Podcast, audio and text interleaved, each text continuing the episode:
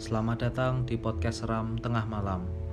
Podcast ini akan membahas mengenai cerita horor, mitos-mitos yang ada di sekitar kita, dan teori konspirasi.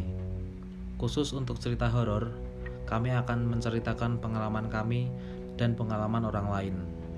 Apabila kalian punya cerita horor yang ingin disampaikan, kalian bisa ikut serta berbagi pengalaman horor dengan cara mengirim cerita kalian melalui email atau melalui form yang kami sediakan.